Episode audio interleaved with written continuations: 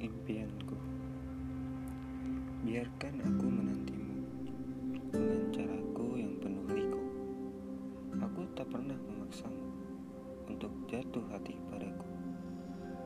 Kedatanganmu membuatku terpaku akan parasmu yang semu. Kau memang gadis impianku sejak pertama kita bertemu.